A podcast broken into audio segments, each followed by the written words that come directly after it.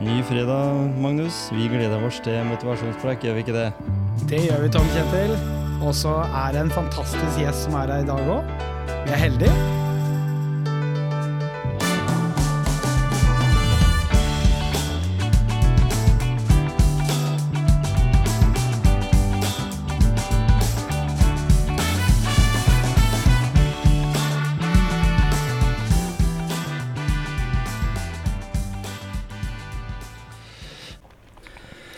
Denne gangen så tok jeg turen til eh, Munch-museet, faktisk. Eh, her eh, skal jeg snakke med Stein Olav Henriksen, som vi faktisk hadde med i podkasten vår i episode nummer 94. Men eh, nå skal vi grave litt på kanskje Oslos flotteste møterom, her i 12. etasje på Munch-museet. Det var en fantastisk utsikt, utsikt herfra, Stein. Ja, Hyggelig at jeg kunne komme. Ja, ja men, Synes jeg. eh, men eh, jeg syns det er hyggelig å ha deg her, og veldig fint å være med på denne podkasten. Og vi har jo snakket sammen eh, tidligere. Ja, Så kan vi snakke litt nå om hva som har skjedd siden sist. Ja, ikke er jo mye som har skjedd siden vi åpna det nye museet vårt. Absolutt. Jeg har vært, faktisk også vært her med svigermor, og det, det er, jeg har verdens greieste svigermor, tror jeg. Så det går fint an å reise på museum med hun.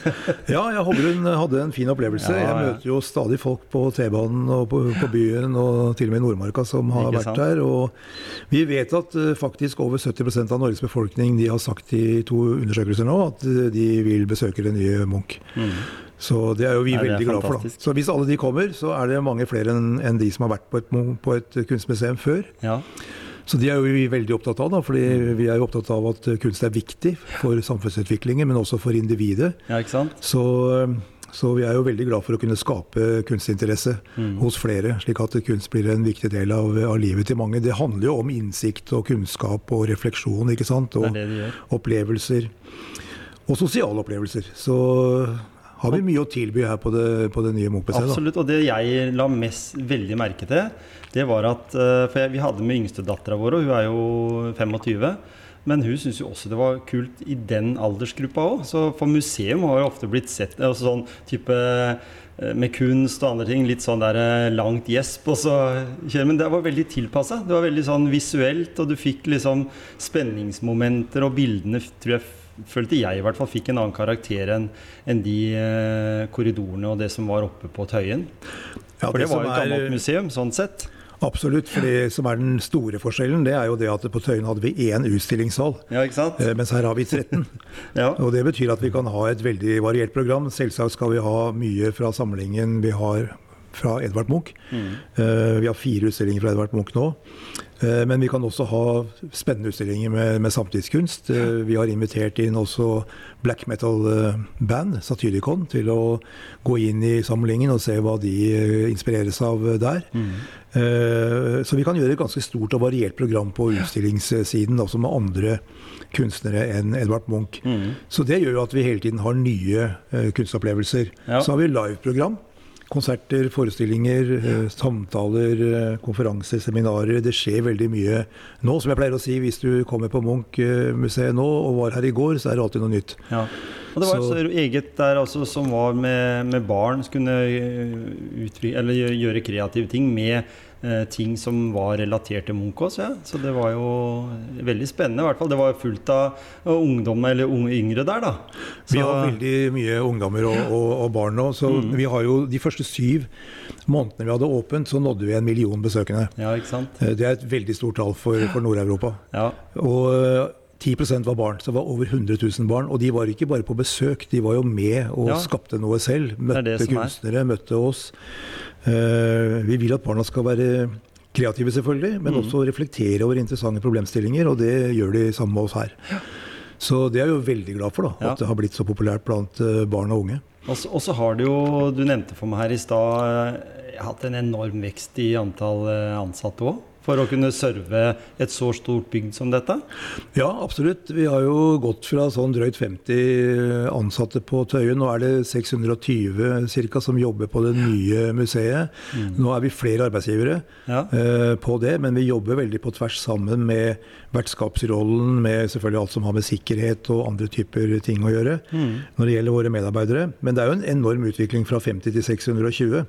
Absolutt. Så det er jo ett bilde på, på, hva som har skjedd. Og det er ikke bare fordi at museet er større. Vi trenger mer sikkerhet og mer vedlikehold og mer rengjøring og den type ting. Mm. Eh, vi trenger mer vertskap fordi vi har mange flere besøkende. Eh, vi har en større butikk og vi driver et mye bredere program. Så det største forskjellen er egentlig at vi gjør veldig mye mer enn før. Ja. Vi har et mye større tilbud, ikke bare her eh, i det nye museet vårt, men også digitalt. Det er mange som mm. jobber med digitale opplevelser nå, og vi har et stort internasjonalt program. Men du som leder da, du har jo vært igjennom de prosessene fra da en liten arbeidsgruppe på Tøyen. Uh, fulgt hele prosessen. De som har fått med seg TV-serien, som visste mye både den ene og den andre utfordringen underveis. Som gjorde at dere etter hvert fikk åpna her, da. Du så sånne, sånne, ting som man aldri tenker på, med temperatur i rom, og det var, var mange, mange, elementer som man ikke tenker på at det, altså Det må jo bare være en selvfølge da, men det er jo ikke det. Byggeteknisk så er jo dette her once, one of a kind. Det er jo ikke ingen, finnes ingen andre sånne bygg i hele verden. Nei, det er helt riktig. Det er et veldig komplekst bygg på mange måter. Og så er det jo helt spesielle krav, siden vi skal ha så verdifull kunst mm. her. Mm. Og det handler jo selvfølgelig om hvordan vi bevarer den samlingen vi har fra Edvard Munch, men vi vil også låne viktige verk fra andre museer. Og da må vi tilfredsstille de kravene som går på sikkerhet og klima og, og, og andre, andre, ting. Ikke sant? Så, så, det er et veldig komplekst bygg. Men det har vært veldig gøy da, å være med helt fra begynnelsen og gjennom hele byggeperioden med alle de møtene med med de som bygger, og alle underleverandørene, alle løsningene vi måtte finne fram til. Eh, så har du de som finansierer der, ikke sant, med Oslo mm. kommune og alt som foregår der. Så det har jo vært eh, et komplekst bygg, men også en kompleks prosess, vil jeg si. Ja? Med, med mange involverte. Veldig mange involverte. Ja. eh, og veldig spennende underveis. Og ting som så ut til å bli vanskelig å løse. Nå tenker jeg at vi har egentlig løst eh, det alt vesentlige. Selvsagt er det småting nå som fortsatt vi må justere på osv. Men, eh, men i det alt vesentlige så, så, fungerer huset veldig fint nå for de besøkende og for, for kunsten vår. Og så har vi mm. litt utfordringer med medarbeidere, fordi vi har åpen løsning og noen nye arbeidsformer og, og måter å jobbe på som uh, også mm. trenger å tilpasses litt mm. underveis. Men det jobber vi jo med, og det kommer også til å bli helt fint uh, når vi har blitt vant til huset. Vi skal bli kjent med huset og se hvordan det fungerer nå. Og, og, det er jo sånn at eh, Du er jo med i motivasjonspreik nå. Og det er jeg litt interessert i. Det er å vise, eller for våre lyttere, hva som på en måte underveis har inspirert deg til å stå på så skikkelig? For det er jo tross alt en krevende jobb å være leder for både 50 stykker som skal flytte. Eh, kan, altså vi ser jo at verkene har jo stått ute når Munch hadde de. Men eh, det er jo på en måte verk som ikke kan settes prislapp på. Så derfor så må det jo tas godt vare på. Og en av de prosessene som jeg syns var veldig spennende, var jo nettopp det å flytte de gigantiske store maleriene som var liksom som en håndballbane ja. i størrelse, og så få de inn i det bygget her. Uh, det var mange sånne ting. Men, men, men du som leder, jeg, jeg, i hvert fall, hvis det var sånn som jeg så i TV-serien, at du var, virka veldig rolig, var det fordi du visste at du hadde så dyktige medarbeidere, eller var du liksom du var helt klar på at dette her kommer bare til å gå greit? Eller hva, hva er det som, hva som gir deg den energien, tenker jeg, til å kunne stå i det? Ja, altså For å si det sånn dypisk sett, så er det jo det å, å jobbe med noe som betyr noe for å skape et uh, positivt samfunn. Mm. Uh, og der mener jeg at kunsten er veldig viktig. Uh, kanskje litt underkjent også, hvor viktig kunst er for samfunnsutviklingen. Også samtidskunst, som, mm. som ligger mitt hjerte veldig nært. Uh, og det er også viktig for individet. Jeg tenker at uh, kunst uh, Du har jo media, ikke sant? du har utdanningsinstitusjoner, du har det politiske livet osv. Men, men kunst treffer jo folk på veldig mange forskjellige måter, forskjellige nivåer, kan du si. Så, så jeg tenker at det å jobbe med kunst og det å sørge for at uh, så mange som mulig får tilgang på kunst, at barn får anledning til å være kreative og utvikle sin kreativitet, sin måte å tenke på, være refleksive, det syns jeg er fantastisk inspirerende. Så det har jeg vært, mm. vært uh, så heldig å få jobbe med uh, hele livet til nå. Og så er det jo det at Edvard Munch er jo kanskje den mest kjente kunstneren vi har her i mm. fedrelandet. Han har jo veldig stor betydning for hele det globale samfunnet. og mm. da Eh, får du jo muligheten da, gjennom det å kanskje bidra til at du også får en positiv utvikling i et globalt eh, samfunn. Det at vi er ute med Edvard Munchs kunst i mange land rundt omkring i verden, det betyr at vi også er ute med vår kultur, vår måte å tenke på, våre verdier.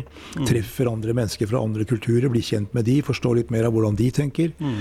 Eh, så det har vært fantastisk inspirerende å representere Edvard Munch, mm. både hjemme og ute i alle disse ja, årene. Så det er vel de viktigste tingene som som motiverer meg. Og så er det jo klart at det er spesielt uh, gøy når du har gode medarbeidere. Mm. Uh, og du var inne på når vi flyttet til Monumentalverkene. Det er vel det mest skremmende jeg har vært med på, tror jeg. den tiden jeg har vært her. Uh, det var utrolig spennende. Ja. Men, men, det var veldig godt planlagt. Mm. Eh, jeg har fantastisk gode medarbeidere på museet. Jeg tenker at Som leder så er rekruttering kanskje det viktigste du gjør. Ja. Sørge for at du bygger et godt team, mm. Eh, og at du har folk som har eh, høy kompetanse på det de gjør, som kan jobbe godt sammen, ikke minst, og jobbe tverrfaglig. Så jeg har vært veldig trygg på at vi har en organisasjon som er i stand til å gjennomføre de oppgavene som mm. vi har fått. Uh, og nå har vi jo vist at det klarer vi, ja, så nå står vi her. og når du, da, når du tenker på den, det som inspirerte deg den gangen du sto med, om, om, ikke lua i handa, så i hvert fall første gangen du gikk inn på Tøyen da, som, som, og skulle overta der oppe, til den steinen som sitter her i dag. Er det noe for, forskjell? Er det noe annet som inspirerer deg i dag? Nå, nå, er det jo ikke sånn at du har den lengste fartstida igjen her på Munch, men det er fordi dette er jo en, den, jobb, den, stillingen du har, det er jo en sånn Det er ikke vanlig fordelt arbeid. Du, det er en åremålsstilling, er det det? Ja. ja ikke sant? En åremålsstilling på, på, seks år som jeg nå har hatt to ganger. Var jo egentlig meningen at huset skulle være ferdig i 2015, og jeg ja, kom i 2010, så da var det ett åremål, hadde jeg for så vidt tenkt. Mm. Eh, og så ble det to, og så kom vi jo akkurat i land, da. Nå har jeg en måneds tid igjen på, på museet som leder her, så, så, det har jo vært helt fantastiske år hele veien. Og forskjellen på den jeg var for tolv år siden, er selvfølgelig erfaringen mm.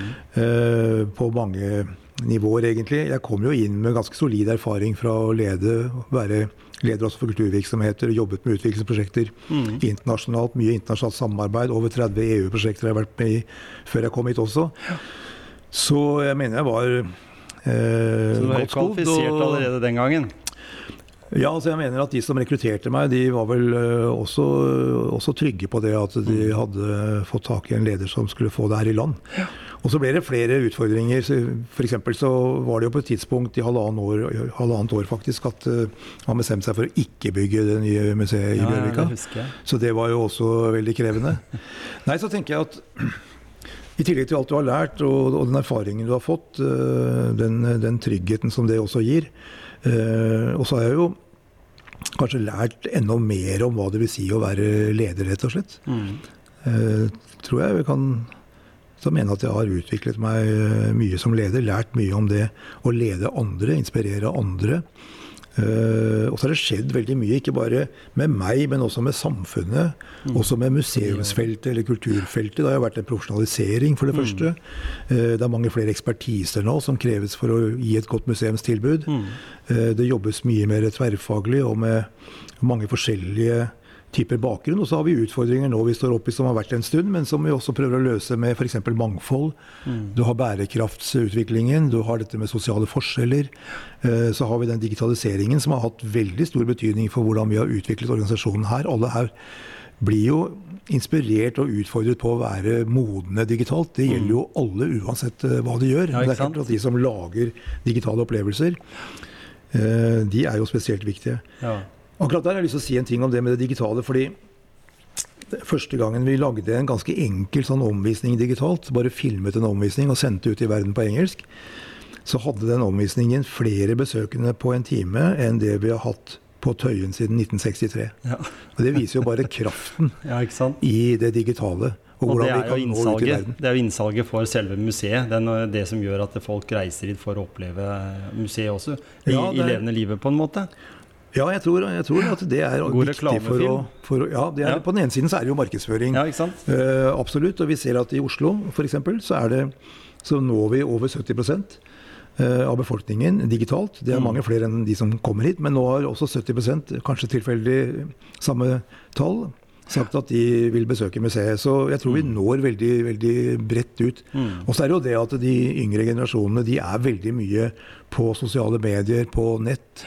Og lever mye av livet der, så da må vi også være der. Men det morsomme med det er jo det at du kan være der i hele verden. Ja. Ikke bare her. Nei, ikke? Og når vi da f.eks. nå sender jo da eh, kunstopplevelser på kinesisk til kineserne. Vi har et program som går i USA, som, eh, som vi er med på på en eh, public TV, pay-TV uh, der.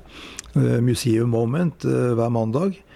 45 millioner mennesker kan se det. Så det å, å kunne delta i den, den globale da, skal vi si, diskusjonen, da, eller, eller kunsttilbudet, eller i, i samfunnsutviklingen, det syns jeg er virkelig inspirerende.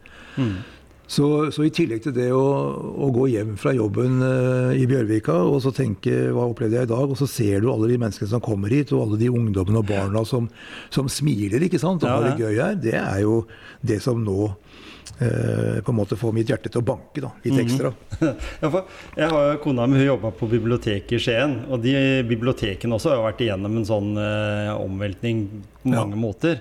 Det her med hysj og ikke, ikke være på biblioteket hvis du har høy, høy, stemme eller hva det måtte være, og vanskelig å nå, og bibliotekarer bare. Mens nå ansetter de jo heller personer som kan mer om media, og som kan mer om barn og ungdom sine måter å kommunisere på eh, digitale eh, funksjoner osv. Uh, og det er jo litt det samme som museet nå, egentlig. For de var jo litt sånn kjent tidligere for å være litt sånn trauste. Det var litt tungt, og det var lange korridorer, og det var, var liksom strenge vakter. og det var sånn, mens, mens når du kommer her, så er jo Kanskje de vaktene du møter her, er jo de blide og hyggelige, og de er ikke strenge i det hele tatt. Så du blir veldig godt tatt imot. Og det, nede i første her så har du jo en veldig fin kafé.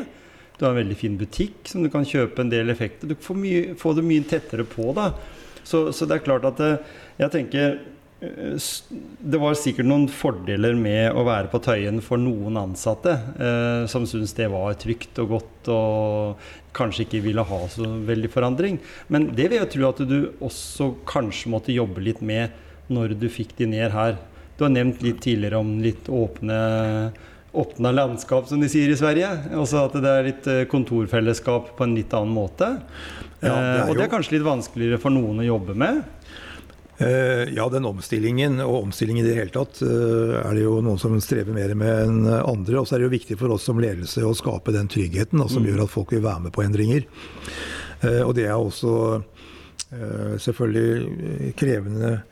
Men en annen stor endring i museumsfeltet, og, og i hvert fall i veldig stor grad her, det er jo det å gå fra det å være litt innadvendt og være veldig fagspesifikk, eh, og kanskje henvende seg mer til kolleger på universitetet og på Nasjonalmuseet enn egentlig til befolkningen rundt oss, eh, til å bli et museum som er veldig utadvendt, hvor vi nettopp da har ekspertise på det å være ung. ikke sant? Vi har jo ansatt ungdommer for å være våre eksperter på å være ung.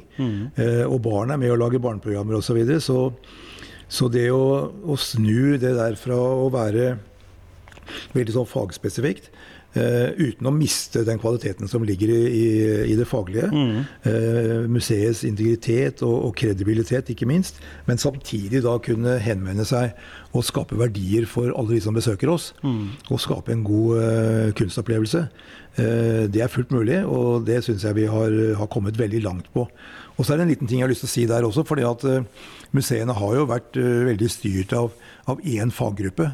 Eh, og, har vært eh, sånn sett ganske eh, monoman Mm. i det. Og vi ser jo det at verdien av å ha mange forskjellige ekspertiser her, og at det er mange flere som kan både forske, utvikle kunnskap, eh, utfordre oss, utfordre hverandre, eh, det er en enorm verdi. Og det er jo en tendens vi også ser internasjonalt, at man i, I dag så jobber man mye mer tverrfaglig. Man snakker litt om kollektiv mm. utvikling og, og, og, og det kollektive i det man gjør. Og ofte har man jo med ekspertiser som man ikke egentlig tenker seg at man har noe relevans med. Altså, hvis man skal ha idéutvikling, så kan man godt ha med en urmaker eller en kirurg eller en tannlege. ikke sant? Må ikke være en bestemt Nei. utdannelse fra Universitetet i Oslo som har lest de samme bøkene, lest de samme avisene, har de samme vennene, eh, ser nokså like ut. Mm. Du må få en mye bredere mangfold inn i hvordan vi utvikler eh, programmer og kommuniserer med alle rundt oss, nettopp for å være relevante og spille en solid rolle i samfunnsutviklingen. Så Det syns jeg også vi har kommet veldig langt på vei med. Mm. Men det er klart det er krevende for mange at det er eh, hele tiden eh, en bevegelse og endring. Og det tror jeg man må bare innstille seg på i alle virksomheter. At det som tidligere kunne være ganske statisk, og hvor endringer skjedde langsomt og over tid og var veldig godt forankret osv., og, så videre, og det bør det jo være nå òg, mm. men nå skjer det mye fortere. Ja. Når du ser på den digitale utviklingen nå, Eh, vi var med hele ledergruppa pluss en del andre fra museet vårt og møtte New York Times, vi møtte Google, vi møtte Forbes, vi møtte en del andre teknomiljøer og, og Stanford og Harvard-miljøene på idéutvikling, prosjektutvikling. Hvordan jobber de nå med å utvikle gode produkter eh, for Uh, og, og, møte et bredt spekter av, uh, av si, lyttere, da, eller tilhørere eller brukere, mm. uh, som er de samme utfordringene vi står i. Og jeg ser jo hva, hva som foregår nå internasjonalt i forhold til nettopp det å se på hvilken ekspertise er det vi har, hva trenger vi, hvordan kommuniserer vi, hva betyr de nye mediene, hvordan skal vi bruke den digitaliseringen som kommer. Uh, både på innholdssiden, men selvfølgelig også på teknologisiden.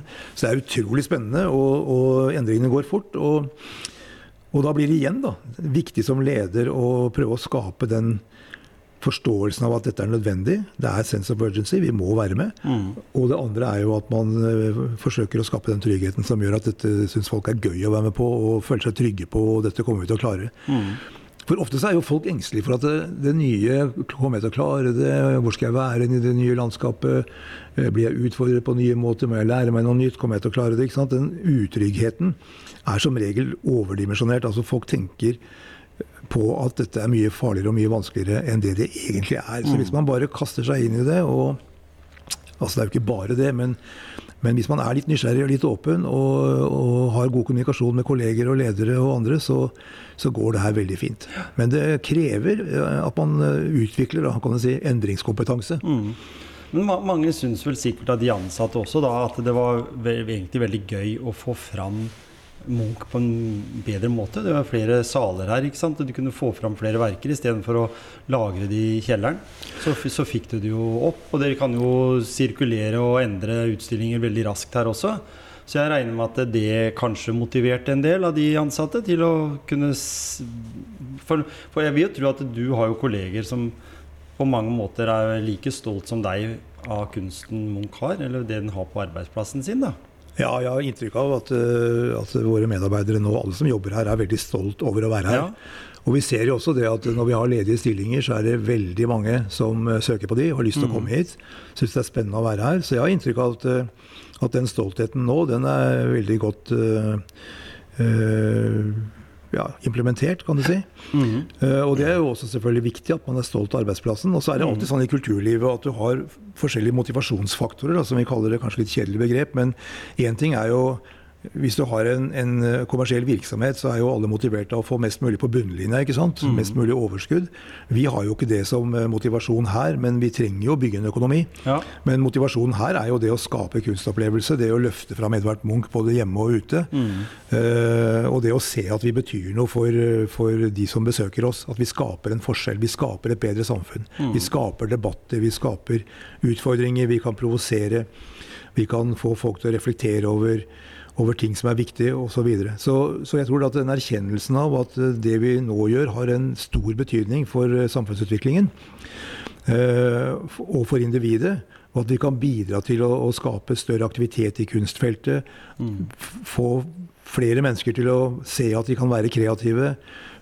Få flere mennesker til å reflektere over viktige problemstillinger og være med å løse de det, det, er jo det som motiverer oss. Det tror jeg veldig mange her mm. tenker er en stor motivasjon.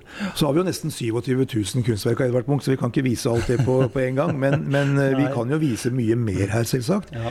Men jeg tror også det at vi har et stort samtidskunstprogram, er veldig viktig. Gi samtidskunstnerne muligheter, mm. men også gi folk anledning til å se samtidskunst. Mange tenker ja, det er veldig rart, og det er kanskje også litt introvert og, og, og angår ikke så mange. Men, men, når man da kommer hit kanskje pga. Edvard Munch og hans kunst, eller pga. det nye museet, mm. og så vil man allikevel da komme inn i utstillinger som handler om de kunstnerne vi har rundt oss her og nå, og hva de reflekterer over.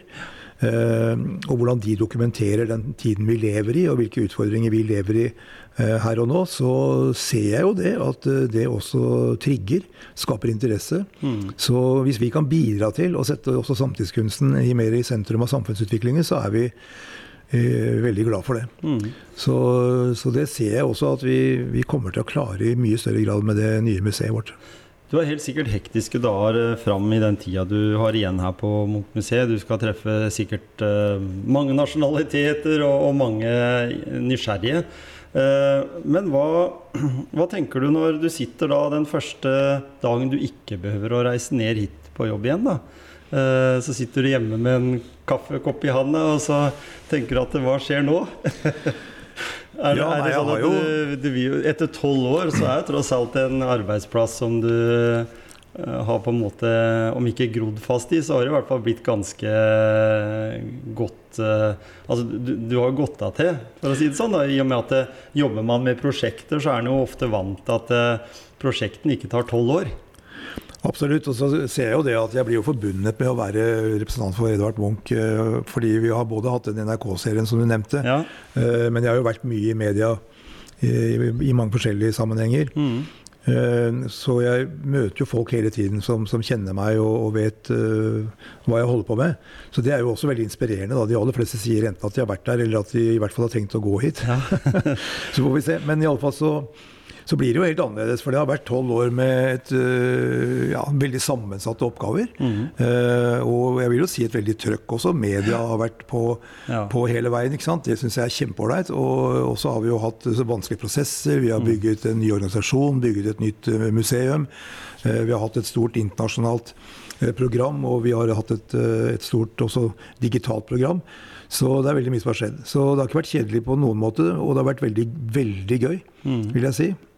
Så det blir annerledes framover. Men jeg var jo også i stillinger tidligere, jeg har vært leder i over 30 år nå, ja. som, som, også var uh, i noen kontroversielle situasjoner. og og hvor det også var veldig mye av den samme energien da, og, og den samme engasjementet på, måte, på alle måter rundt deg. Mm. Så, så, det var jeg på en måte vant til, og det er jeg fortsatt vant til. Og jeg har jo tenkt lenge på at jeg skal over i noe annet mm. uh, etter jobben her. Og har jo lagt noen planer for det. Jeg har noen interessante styreverv. Skal jobbe med Sørlandets kunstmuseum, som nå blir Kunstsilo. Mm. Eh, og den store, fantastiske nordiske modernismesamlingen som uh, Nicolai Tangen da overlater til, til museet når de åpner i 2024, blir vel det. Mm. Uh, og en del andre som jeg synes, oppgaver som jeg også syns er, er, veldig spennende å holde på med. Og så er jeg fortsatt åpen for å, for å ha litt tid og se hva, hva skjer framover. Hva, hva, kan dukke opp framover. Mm. Og jeg har jo ikke helt uh, lagt programmet mitt sånn 100% ennå. Så Men, hvis det er noen som uh, tenker der ute at uh, de kan lære noe av meg, så, mm. så, skal jeg nok stille opp på det. For, for, for noe innenfor kunst vil det jo helt sikkert være. Du er jo, holdt på å si, har jo vært engasjert i andre typer ting rundt teater, musikk eh, og sånn også, så det er mange, mange ting som du kan uh, tråkke opp i, sånn, sånn, i utgangspunktet. Men når uh, du nå da uh, pakker kontoret ditt for siste gang, eller åpner kontorfellesskap, så du du tar kanskje bare Det er kanskje bare PC nå? Det er ikke så veldig mye mer, kanskje? Eh, det er i hvert fall ikke svære hyller med dokumenter lenger. Alt er vel digitalt, som du sa her i stad. Eh, hva er det som, eh, sånn i utgangspunktet hvis, vi, hvis, du tenker nå da i den situasjonen du kommer nå etterpå, da er du på en måte stein, og du skal gjøre andre ting eh, som ikke har med Munch-museet å gjøre, men som kan ha med kunst, som du sier, å gjøre. Eh, hva gjør du da i hverdagene dine ellers? For det er litt, litt, interessant å vite når du sitter i en sånn lederjobb som dette er, så har du sikkert lange dager. Eh, men også kanskje noen sånne verdier i livet ditt som sier at jeg må også ha litt fri.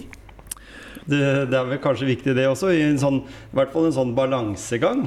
Ja, det er riktig det. Altså, jeg har jo lange dager i og for seg, men jeg bestemmer jo veldig mye selv.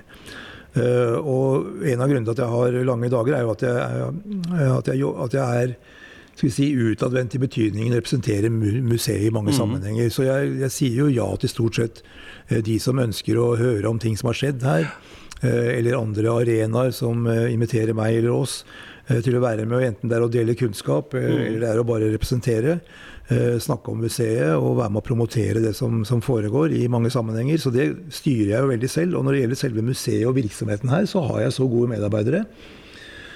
Eh, mellomledere, seksjonsledere, prosjektledere og, og, for øvrig alle de andre som, som er eh, ja, så dyktige, eh, så ansvarsfulle, eh, så åpne og rause som vi også har i verdiene våre, at det går veldig mye Eh, uten at jeg må følge med på ja. enhver detalj. Så, så, min holdning som leder det er jo å være på et veldig overordnet eh, strategisk nivå. Eh, og lede gjennom ledermøter, gjennom ledersamtaler. Mm. Men i minst mulig grad være nede i det operative og det, og det daglige. Så hvis jeg er borte en måned eller to, Eh, så går det her helt eh, fint eh, uten meg.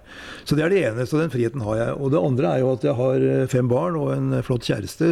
Og jeg gleder meg jo til å ha mer tid ja. med de. De er spredd litt sånn rundt omkring også i verden. Mm. Og så er jeg veldig glad i å gå i fjellet. Gå turer, lange turer. Reflektere. Tenke over ting. Og det er jo der det ofte oppstår løsninger da, på utfordringer jeg ellers eh, ikke ser nødvendigvis løsningen på sånn umiddelbart. Og så leser jeg mye bøker også, veldig bredt. Det er både faglitteratur, eh, men skjønnlitteratur er jeg veldig interessert i. Så jeg har et stort interessefelt. Mm. Eh, og så driver jeg selvfølgelig også litt med, med idrett for å holde meg i form. I ja. min alder så er det jo viktig å være i bevegelse. ikke sant? Ja, hva er det som i tillegg til å gå i fjellet, hva er det du liker å gjøre? Og det er jo tennis som er mitt hjerte tennis, ja. aller mm. nærmest. Så jeg har slitt litt med, med tennisalbu, fordi jeg har lagt om litt teknikken. Ikke gjør det, folkens, hvis dere ikke vet hva dere gjør. Nei, så, så det er jo en, en, viktig ting. Jeg er mm. veldig glad i å sykle, veldig glad i å gå på ski. Ja. Uh, så det er jo mye friluft, da. Mm. Det er det jo. Mm. Hvor er det du har vokst opp hen, sånn i utgangspunktet? Sånn når du var uh ung? Altså Yngre, mener yngre, mener jeg. jeg er født i Elverum. Eh, Flytta derfra som fireåring, men hadde familie der, så vi var mye tilbake der om sommeren og sånn. Mm. Eh, ellers er det egentlig Greverud eh, i Oppegård kommune utenfor Oslo som var mitt eh, oppvekststed. Eh, og så gikk jeg på skole i Oslo fra jeg var 13, så på Musikkonservatoriet. da. Mm. Så dermed så så har det vært eh, liksom landskapet rundt meg. Ja, og så her finner du jo veldig lett alt fra tennisbaner til skiløyper. Altså det er jo, det er jo oppsi, en oase av sånne aktiviteter. Var det sikkert det også når du vokste opp. Men, men sånn, eh, i utgangspunktet tennis er jo kanskje nå Det er, det er litt gøy å se tennis på TV nå, vet du, fordi vi er jo bedre enn Sverige. Og det har jo ikke vi vært i sånne idretter.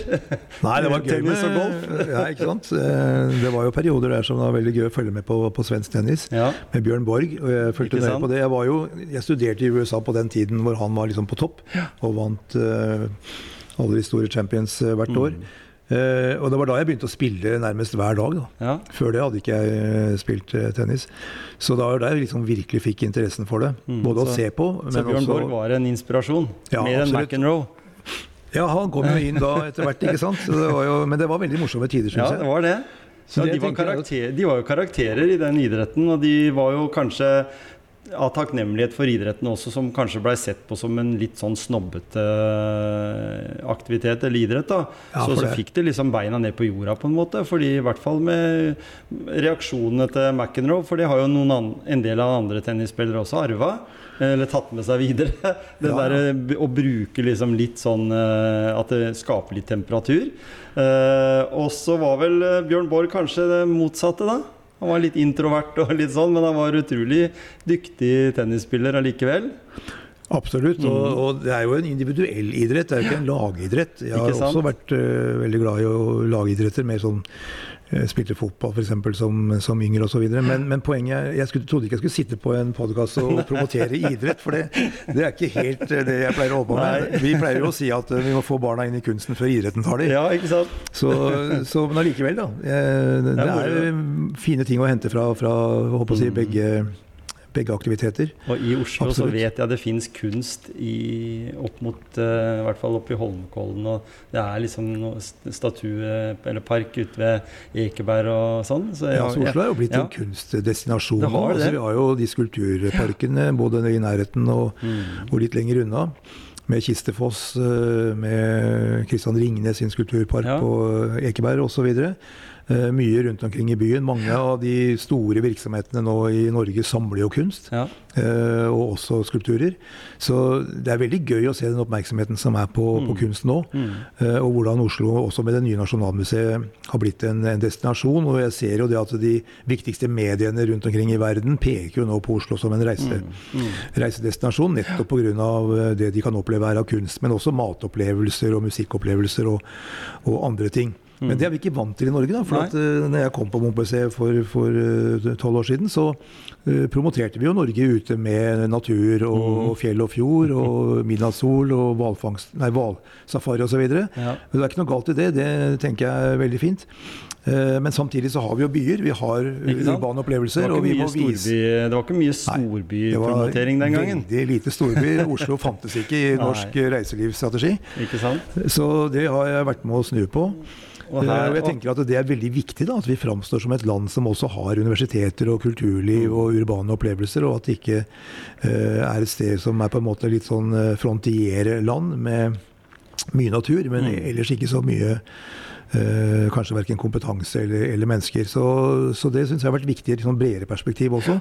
Og nå ser jeg jo at Innovasjon Norge og Visit Oslo og andre eh, klarer å promotere Norge med begge deler. mm.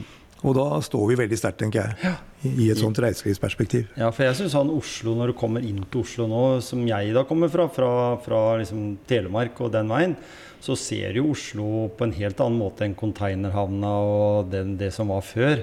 Eh, Det er det, det jeg vil si, for å skryte av egen eh, hovedstad, så er det kanskje den hovedstaden det er mest eh, stas å komme inn da, til. Altså jeg tenker at når folk kommer her som turister, da, så ser de Oslo på en helt annen måte. Det er jo en slags Manhattan her nede nå, i, i motsetning til det det var for bare 30 år siden.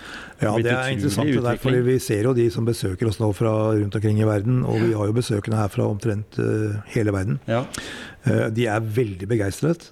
Og, og det er så mye her som be- begeistrer de, så, Mm. så de snakker alltid om at vi må komme tilbake, vi må ha med barna, vi må ha med vennene våre, dette må de oppleve. Så det er veldig gøy. Mm.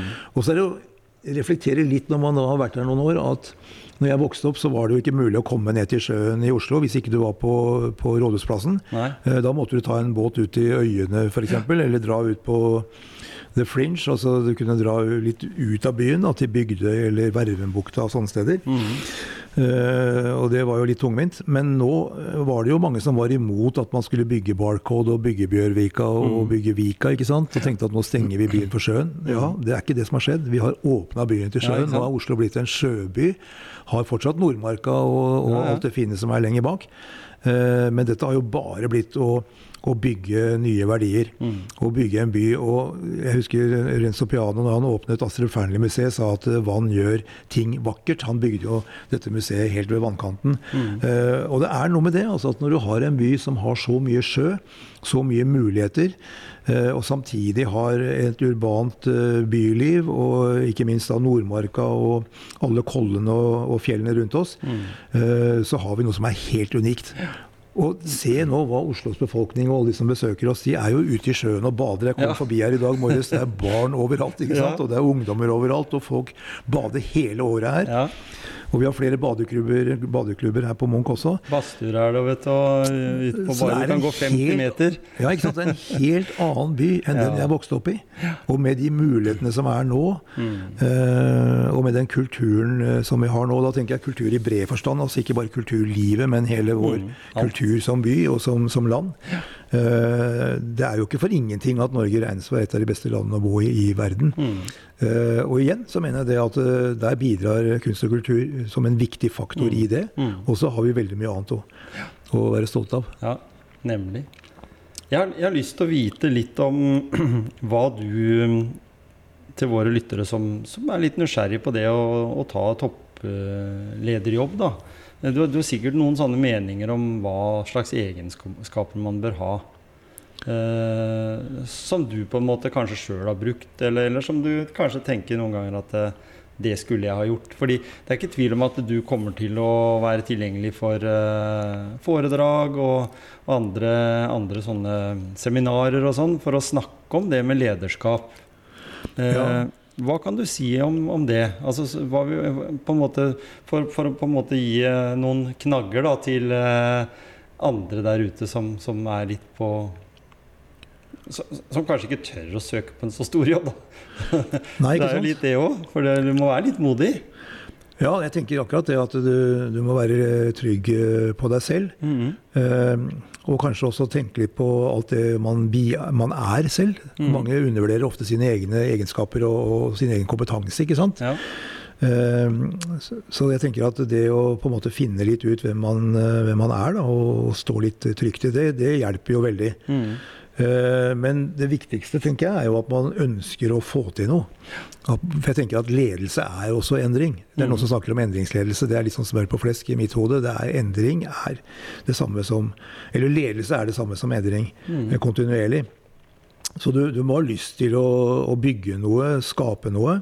Og så må du ha lyst til å gjøre det eh, vil ikke si gjennom andre, men i hvert fall med andre. Mm. Eh, for det er jo ledelse, er at du virkelig har lyst til å jobbe med andre mennesker og mm. sørge for at det er andre som, som, eh, som, spirer og gror og får utvikle seg og får skape resultater og det som motiverer de. Mm. Og der har du en litt sånn vanskelig begrepsbruk. ikke sant? For at jeg vil at vi skal si når vi står i, i under sterk kritikk for noe vi gjør eller, eller ikke gjør, så, så, er det jeg som tar det ansvaret. og det er jeg som er ute og svarer på de vanskelige spørsmålene. Men ellers så er det vi. Så alt det vi skaper, det er vi. Vi gjør det mm. sammen. Mm. Uh, og den der balansen mellom jeg og vi, den er også greit å, å ha et forhold til. Mm. Uh, så, så, skal man ikke ha altfor lav impulskontroll, tror jeg, for Nei. å være leder. I hvert fall ikke hvis du har mange rundt deg. Så det å bevare roen da, i mm. krevende situasjoner, ta seg tid til å finne fram til de gode løsningene, og ha litt is i magen på det at eh, noe kan eh, skje raskt, men noe tar litt tid. Og dess bedre du er på å tenke langsiktig og strategisk og strukturert, mm. dess lettere er det å ta raske avgjørelser mm. når det trengs. Eh, men det å ha den roen og la folk eh, rundt deg også få tid til å bli trygge i rollen, eh, bli trygge i hvor vi skal hen, jobbe mm. godt sammen om å finne fram til de målene vi skal, skal, nå, og hvilke tiltak og verktøy vi skal bruke for å nå de, og hva det betyr for hver enkelt, og hva som da hver enkelt kan ha lyst til å være med på, eller forventes at man skal være med på, mm.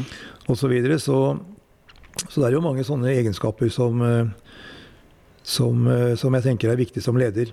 Mm. Og så er det jo det at uh, altså du må jo ha en veldig stor grad av respekt for andre. Og for min del så har det vært veldig viktig å ikke krangle med folk, selv om jeg kan være veldig uenig i kritikk som kommer, eller innspill som kommer, eller perspektiver eller kunnskap som jeg tenker det der er helt feil. Uh, men det å prøve å hele tiden få andre med seg på en, en måte som ikke er konflikterende, mm. men som i større grad er samlende. Det tenker jeg også er en, en fin egenskap da, som, eh, som, leder. Å tenke mm. at ok, hvor, nå sitter vi her med flere mennesker. Her er det åpenbart forskjellige interesser, åpenbart forskjellige synspunkt. Hvor er si, felles multiplum. Hvor er det vi mm. kan møte hverandre? Hvor kan vi bygge noe sammen? Hadde jo f.eks. opplevelser av at veldig mange var imot å bygge det nye museet i Bjørvika. Og jeg var på sånne folkemøter hvor alle som var til stede, var imot. Ja. Og, og, jeg prøvde å da begynne min innledning, da, etter at noen hadde snakket om hvor forferdelig jeg var som var for dette, eh, med at ja, men tenk deg først, da. Hva er det vi har sammen? Jo, vi er veldig engasjert i hva skjer med Edvard Munch og samlingen. Mm. Det er vi enige om. ikke sant? Det har vi sammen. Mm. Og så hva er det mer vi er enige om? Så kommer du da til de stedene hvor du ikke lenger er enig. Uh, men da har du rydda unna en god del. Ja. For du har skapt en plattform for å rydde litt i mm. det vi er uenige om. Så er det helt greit å være uenig. Mm. Det skjerper oss eh, at vi har eh, konflikter og uenighet og, og, motstand. Så det er jo bare bra. Og engasjementet er veldig, veldig bra. Mm. Så så igjen så tenker jeg det at eh, en leders oppgave er å prøve å finne fram til eh, hva er det som samler oss, eh, og hva er det vi kan gå for sammen? Og det vi ikke kan gå for sammen, kanskje vi kan la det ligge litt til side en stund. Ikke alt kan ligge til side for all framtid, men noe kan kanskje vente litt med. Mm. Se hvordan det går seg til, og så prøve å motivere gjennom det å vise fram eh, gode løsninger. Uh, og prøve å, å, formulere gode løsninger og så se hvordan man da får, får, det, får, det, med seg. Jeg kan si med hånda på hjertet, vi har i ledergruppa gjennom disse tolv årene jeg har vært der, som nesten har vært de samme folkene hele veien, aldri hatt en beslutning hvor det ikke har vært konsensus. Mm. Så det har vært viktig for meg når du har en ledelse med syv personer, at det vi blir enige om og det vi beslutter, uh, det går vi for sammen. Mm. Så hvis man klarer det, og det er også krevende, mm. uh, og det krever smidighet, fleksibilitet, det krever at man har litt is i magen og litt ro, og så krever det at man forstår hva de andre sier. Mm. Uh, og ikke bare prøver å pushe det man eh, selv mener er riktig. Det, det, er også selvfølgelig en, en viktig egenskap. Mm. Og så må man jo ville være leder, da. Det er jo det er heftig. det er så, så, så, man har litt å gå på der, tenker jeg. At uh, dette har jeg lyst til, dette motiverer meg, dette syns jeg er gøy. Uh, for det må være gøy. Mm. Og jeg hører ledere som klager over at de har for mye å gjøre, eller det er for mange problemer osv. Det tenker jeg, uh, det er ikke bra. Eh, hvis du har for mye å gjøre som leder når du selv styrer din egen hverdag, ja, da må du sette deg litt ned og tenke på hvorfor har jeg det.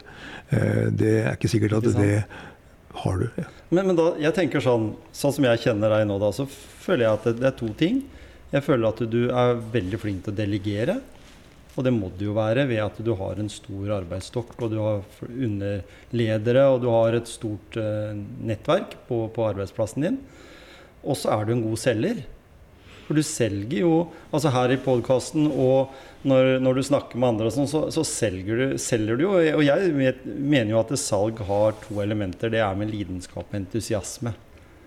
Og du har ganske mye av det ja, altså jeg er veldig glad i å kommunisere og er veldig trygg sånn i offentlige sammenhenger. Ja. Jeg liker jo egentlig å være i media, og jeg liker den motstanden som ligger i kritikk og, og diskusjon. Og, For mange kan jo gjemme seg under eller stikke hodet i sanda akkurat når det kommer i sånne, selv om en er leder på ganske høyt nivå, enten en er politisk eller en er eh, ansatt i store selskaper, ja, så kan en fort uh, stikke av. Ja, men det var veldig bra du spurte om det, for det er også en ting jeg har tenkt ganske mye på, og, og min mediestrategi strategi har jo vært å være til stede i media hele tiden. Mm. Uh, og det har jeg hatt en strategi på. Jeg treffer folk i media, lager saker, prøver å delta i debatter.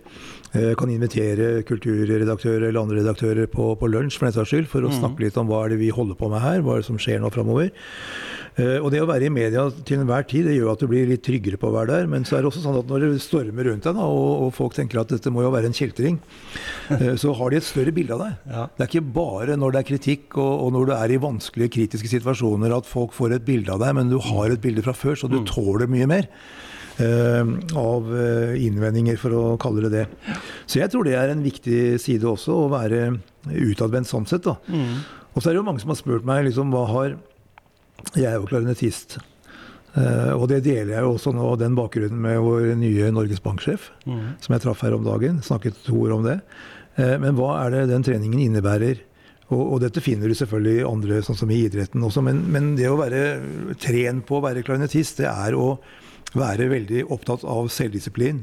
Være opptatt av å bli eksellent, at man hele tiden blir bedre. Mm. Men så skal man samspille med andre, og så skal man noen ganger underlegge seg en dirigent ikke sant? Ja, ja. som kanskje kommer med helt andre, andre, ting. Og så må man være innstilt på det. Og så er det jo dette med kommunikasjon. Du skal ha noe på hjertet som du ønsker å formidle da, gjennom, i mitt tilfelle, mm. eh, klarinetten, enten du var sammen med noen på scenen eller du var alene. Ja.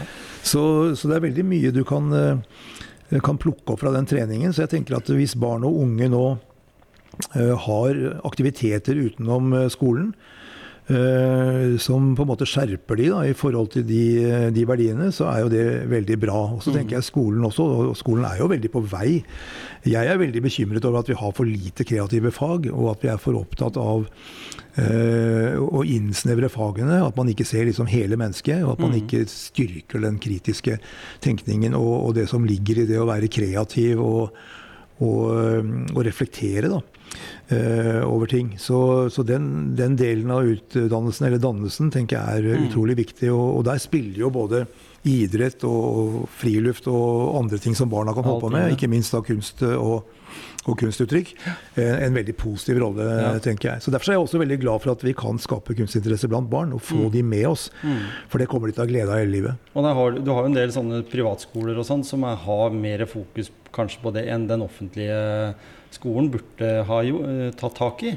At de også på en måte ser eh, Og det er veldig mange som er flinke, men det er jo eh, litt personavhengig òg.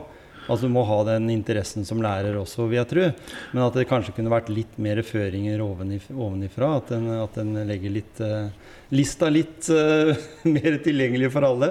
Og jeg ja. ser jo det når du kommer her nå, og, og, og, jeg drar herfra, så ser jeg jo at det myldrer av, av barn rundt her, og, og, biblioteket der borte, ikke sant. Og, og operaen. Det er liksom de tre Eh, institusjonene vi har eh, i Norge. Og, og, det som er her, er mye barn og ungdom. Som du sa i stad. Bader, eh, myldrer rundt, er på kafeene her. De er her med foreldre, besteforeldre. Så det, det er jo blitt en sånn eh, smeltedigel av, av, mennesker som på en måte kanskje rekker opp handa til læreren da, og så sier at kan vi ikke ta en tur ned på Munch-museet?